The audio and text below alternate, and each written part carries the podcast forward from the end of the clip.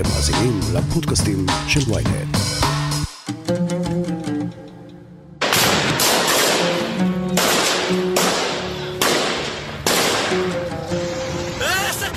אחרי 20 שנות כיבוש אמריקני, עשרות מיליארדי דולרים ומי יודע כמה הרוגים, אפגניסטן חוזרת לידיהם של מי ששלטו בה בימים שבהם מגדלי התאומים בניו יורק הותקפו וקרסו.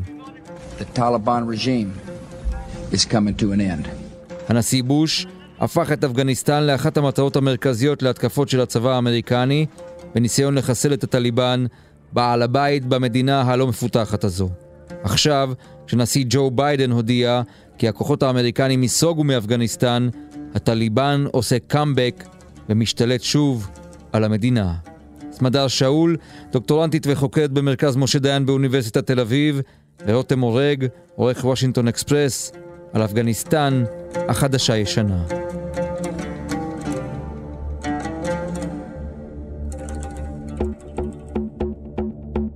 הכותרת, הפודקאסט היומי של ynet עם עטילה שומפלבי. סמדר שאול, בואי נתחיל איתך. אפגניסטן אבודה? טליבן חוזרים? לפי קצב האירועים ביומיים האחרונים, אנחנו בהחלט רואים את הכיבושים שלהם בהיקפים אה, חסרי תקדים מבחינת השנים האחרונות, מבחינה תודעתית וסמלית, ובסופו של דבר גם ברמת ההישגים שלהם בשטח, הם כבר בהחלט יכולים לבוא ולהכריז על תפיסת השלטון. מה קרה ב-20 השנים האחרונות? כלומר, האמריקנים ניסו להפוך את הצבא למודרני וכזה שיכול לגבש עמדות של עוצמה ולגבות את הממשלה. זה נכשל טוטאלית? כלומר, אפגניסטן היא פשוט במרוץ חזרה בזמן? אז באמת היה ניסיון של ארה"ב אה, לבוא, לבוא ולנסות אה, לתת איזשהו כוח לממשל באפגניסטן, כדי שהוא יעמוד על הרגליים, כדי שהוא יוכל להתמודד מול כוחות מיליציה מהסוג של טליבן. היא השיגה באמת את טליבן וגם את קאידה למרחב הגבול בין פקיסטן לאפגניסטן, ולאורך השנים היא חימשה, מימנה, אימנה גם את הכוחות של אה, צבא אפגניסטן, וכל עוד היא הייתה שם, היא הייתה כוח מרתיע. היא גם זאת שסיפקה גם את הכוחות האוויריים לכוחות הצבא. מה שקורה שברגע שביידן הכריז שהוא ממשיך עם התוכנית של טראמפ, את הסכם השלום שהוא חתם עם הטליבן, הטליבן בעצם קיבל אור ירוק להתחיל את מסע הכניסה שלו לתוך המדינה. עכשיו צריך להבין, לאורך ה-20 שנה הוא פעל, הוא פעל, זה לא שארצות הברית הצליחה להשיג אותו לחלוטין, הוא צבר כוחות, לאורך כל השנים הוא החזיק בעשרות אלפי פעילים, בהערכה הכי נמוכה מדברים על 50-60 אלף פעילים שהוא החזיק לאורך כל השנים הללו. הוא עדיין החזיק באזורים אה, שזוהו עם השליטה שלו, זאת אומרת שהוא לא באמת נעלם. מה שקרה עכשיו זה פשוט שארצות הברית עכשיו יוצאת משם, אין את הכוח המרתיע שלה, ומה שקורה זה שהטליבן נפגש מול כוחות הצבא האפגני, ובנקודה הזו אנחנו רואים שהכוח הצבאי לא מצליח לעמוד למול אה, כוחות המיליציה. אפגניסטן השתנתה? היא הפכה ממדינה לא מתקדמת, נקרא לזה בעדינות, למדינה פתוחה יותר, מדינה שיש בה שוויון בין נשים לגברים, הזדמנויות, כלכלה פורחת, משהו טוב קרה? זה לא, לא יהיה מדויק להגיד את זה, כי תחת טליבן כמובן שהיא הייתה מדינה אסלאמיסטית, זה היה בצורה מובהקת וקיצונית.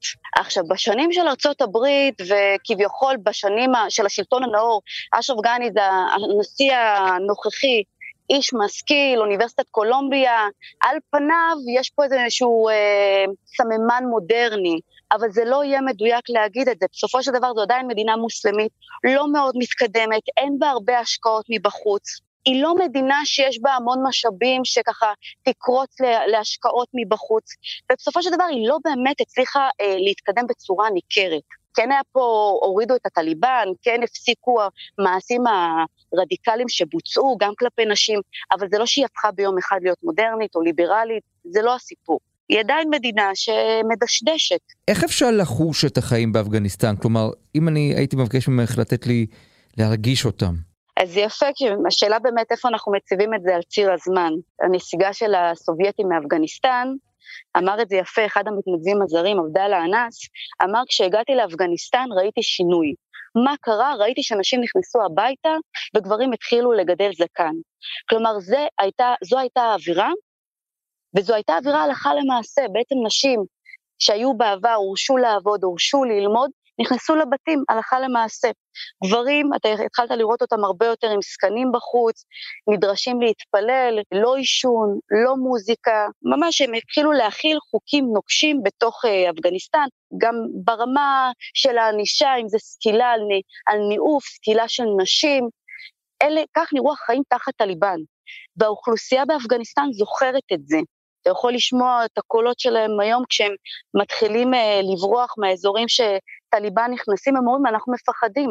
אנחנו מפחדים עלינו, אנחנו מפחדים על הבנות שלנו, ובאמת רואים תנועה גם של פליטים מחוץ לאפגניסטן, למדינות השכנות, אוזבקיסטן, טאג'יקיסטן, איראן השיעית, שרואים את סגלים של שיעים, שאגב זה בפני עצמו בעיה מאוד משמעותית, כי זה כר פורה מאוד טוב לגיוס אה, כוחות פרוקסי עבור איראן, שזה באמת סוגיה בפני עצמה, וגם בתוך אפגניסטן אתה מתחיל לראות תנועה של עקורים לעבר הערים המרכזיות.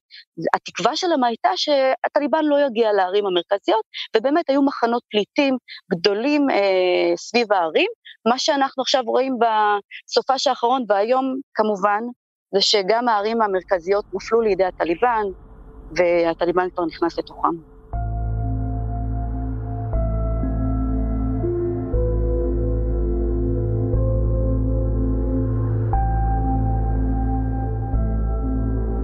טליבן, המשמעות היא מה?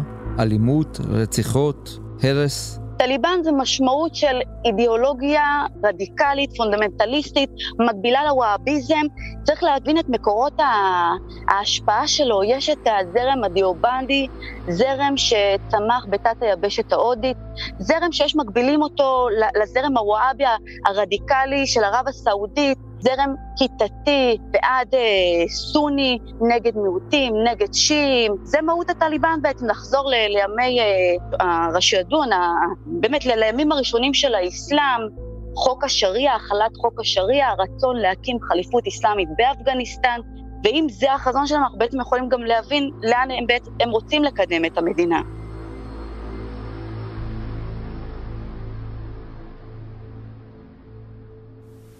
I'm now the fourth United States president to preside over American troop presence in Afghanistan. Two Republicans, two Democrats. I will not pass this responsibility onto a fifth. After consulting closely with our allies and partners, with our military leaders and intelligence personnel, with our diplomats, and our development... רותם הורג, האמריקנים השקיעו המון המון שנים, גם חיי אדם, גם כסף. מה, הם מודים שהם נכשלו? אמרת השקיעו, בכלכלה יש את המושג השקעה מבוזבזת, השקעה שירדה לטמיון. הכסף וחיי האדם שנשפכו באפגניסטן לא יחזרו. אבל בהסתכלות הרחבה האמריקאית על העולם, המשחק האמיתי הוא מה שנקרא GPC, Great Power Competition. תחרות אמריקאית מול סין, תחרות אמריקאית מול רוסיה, כל השאר זה במקרה הטוב בונוס, במקרה הרע לא מעניין. וכשביידן שואל את עצמו, איפה אני שם את המשאבים שלי? הפיננסים, הצבאיים, ההון הבינלאומי שלו, אפגניסטן לא מתועדפת גבוה אצלו בסדר העדיפויות והוא מעדיף לצאת. עכשיו הוא מעדיף לצאת משתי סיבות. הראשונה, פנים פוליטית. המלחמה באפגניסטן היא לא פופולרית, אף מלחמה היא לא פופולרית, אבל המלחמה באפגניסטן על אחת כמה וכמה, וביידן, כמו טראמפ לפניו וכמו אובמה לפניו, נבחר כדי לסיים את המלחמות האלה. ביידן מתכוון לבצע, גם במחיר של מה שנראה כמו הודעה בכישלון, או תבוסה, או מבוכה.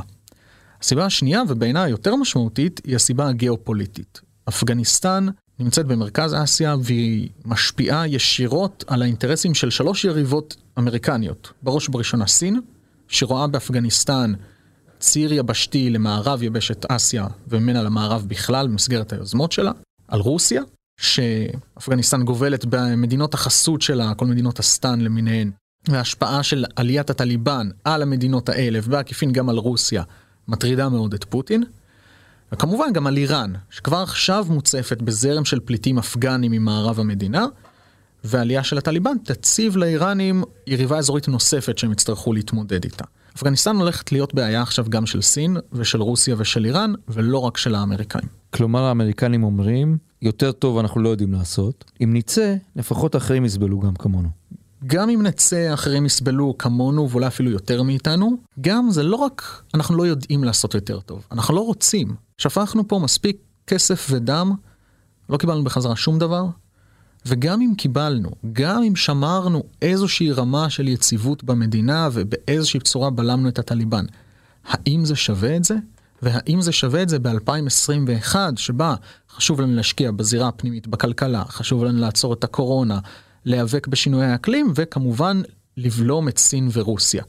התשובה שביידן הגיע אליה היא לא. עכשיו ברור שבסופו של דבר את ההחלטה שלו ההיסטוריה תשפוט האם היא מוצדקת או לא, ומבחן ראשון קורה ממש ברגעים אלה.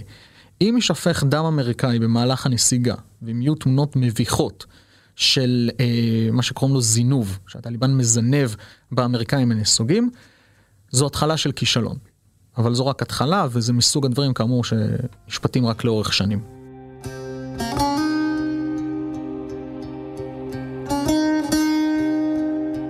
בכל זאת אני מבקש מדע שאול לחזור בעזרתך חזרה לתוך אפגניסטן ולהיזכר במה שהיה שם לפני כ-20 שנה, שהאמריקנים הפציצו את התורה בורה בחיפושם אחרי בן לאדן, חשבו שהוא באיזו מערה שם. אחרי זה כל הסיפור הזה עם הגבול בפקיסטן. זו נקודה מאוד מאוד בעייתית מבחינת כולנו בעצם, נכון? המדינה הזו. בהחלט. אה, מה שקרה שם בקרב בפורה בורה זה היה מבחינת ארצות הברית כישלון. בן לאדן בעצם היה בקרבות האלה גם מול האומר, הם הצליחו לסגת לתוך שטח הגבול, והרבה בזכות ההיכרות שלהם עם האוכלוסייה המקומית. זאת אומרת שמה שקרה זה שבעוד שהאמריקאים היו מנועים מלהיכנס להרבה שטחים שם, מאי ההיכרות שלהם עם האוכלוסייה, אז הם גם החזיקו את אה, כוחות הברית הצפונית, שהורכבה מטאג'יקנים ועוד אה, קבוצות אתניות לא פשטוניות. ומה שקורה זה שאל-קאעידה והטליבן בעצם מוכיחים את השליטה שלהם באזור, הם מצליחים לסגת דרך האזורים הפשטונים למרחב הגבול, להתמקם שם, להתקבל על ידי האוכלוסייה המקומית. אגב, בשנים לאחר מכן כבר יהיה אפשר לראות כבר יותר אה, אינטריגות, יותר מאבקים פנימיים בתוך האזור הזה, שבטים כבר לא ירצו כל כך לקבל אותם, אבל אז בשנים הללו הם מצליחים להיכנס לאזור הזה, הם מצליחים להתעצם באזור הזה, קמות עוד כוחות מיליציה, הם פועלים יחד, גם צריך לזכור את הקשר ההיסטורי בין אל-קאעידה לבין הטליבן, טליבן זה בעצם מוג'אהידין אה, עוד מתקופת הסובייטים, אל-קאעידה גם בעצם מתנדבים זרים שהיו בתקופת הפלישה הסובייטים ואחר כך הם התאגדו לכדי ארגון אל-קאעידה. זאת אומרת שיש ביניהם קשר ארוך טווח, ומה שקורה זה שאנחנו רואים את הקשר הזה בא לידי ביטוי כבר היום אפילו.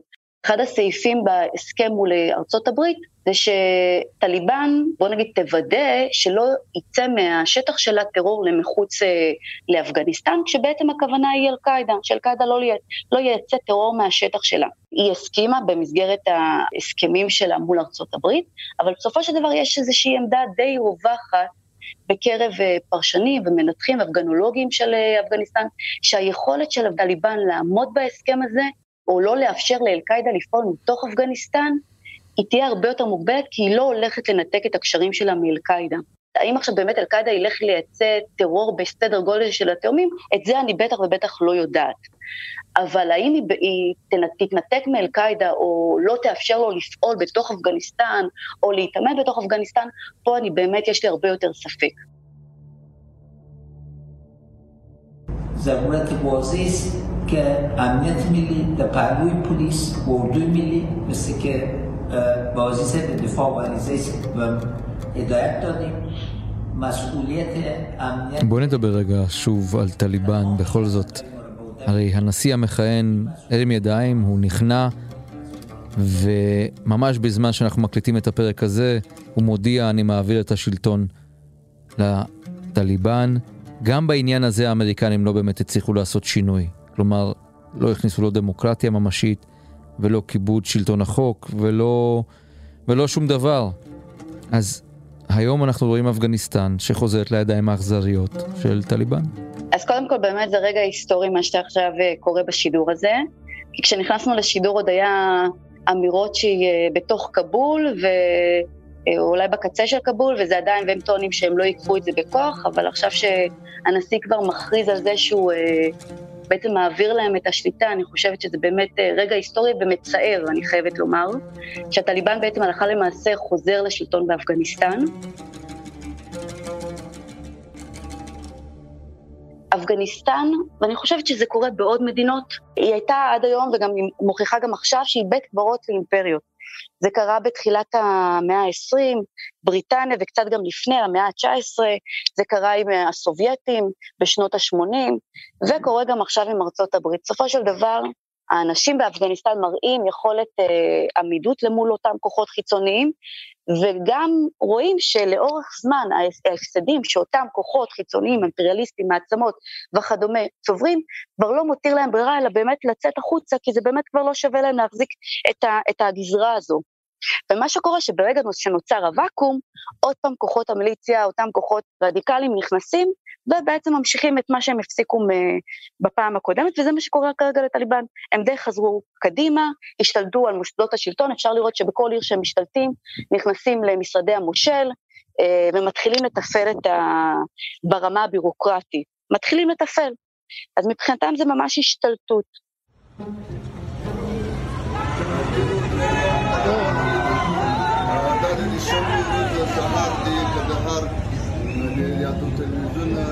רותם אורג, לסיום, כשאתה חושב על התמונות שיראו האמריקנים כבר היום, כבר השבוע, שכוללים מן הסתם השתלטות עוינת, אלימות, אולי אפילו הוצאות להורג, רדיפה של יריבים פוליטיים שהיו, הם הפסידו. הם רואים הפסד, האמריקני. היום הם רואים הפסד. עוד שבוע הם יזכרו את ההפסד. עוד חודש כנראה שהם עדיין יזכרו את ההפסד, אבל עוד חצי שנה, כשביידן ניסה את נאום מצב האומה הראשון שלו, בוודאי ובוודאי לקראת בחירות האמצע ב-2022, המסר הדמוקרטי יהיה אנחנו יצאנו מאפגניסטן, אנחנו סיימנו את אחת המלחמות הארוכות בהיסטוריה האמריקאית, ואין שום סיבה שארצות הברית תמשיך להילחם מלחמות של אחרים. אם הצבא האפגני באמת לא מסוגל, או לא רוצה, תלוי איך מפרשים את זה, לעמוד מול הטליבן, אין שום סיבה שאימא של אה, מייק מאוקלהומה תשלח את הבן שלה להילחם במדינה שאני בספק אם יש אחוז מהאמריקאים שהם לא משרתים בצבא, קרובי משפחה, אה, שיודעים איפה אפגניסטן נמצאת על המפה. בעיקר ובעיקר כאשר, כמו שאמרנו, אנחנו נמצאים במצב שבו ההשפעה של אפגניסטן על הביטחון האמריקאי מוטלת בספק, ואני נותן פה הגדרה מרחיבה, ובוודאי כשצריך להשקיע את המשאבים הפיננסיים, הצבאיים והפוליטיים במקומות אחרים. רותם הורג, סמדה שאול, המון תודה. עד כאן הכותרת להיום. מחר נהיה כאן שוב עם פרק נוסף. אתם מוזמנים להזין לפרקים נוספים בוויינט, בספוטיפיי, באפל ובכל אפליקציות הפודקאסטים באשר הן. אם יש לכם הערות, בקשות או רעיונות, אתם מוזמנים ליצור איתי קשר באמצעות האימייל podcaststrudelynet.co.il עורך הפודקאסטים שלנו רון טוביה, בצוות ערן נחמני ושחה ברקת, על הסאונד ניסו עזרן. אני עטילה שומפלבי, נשתמע מחר.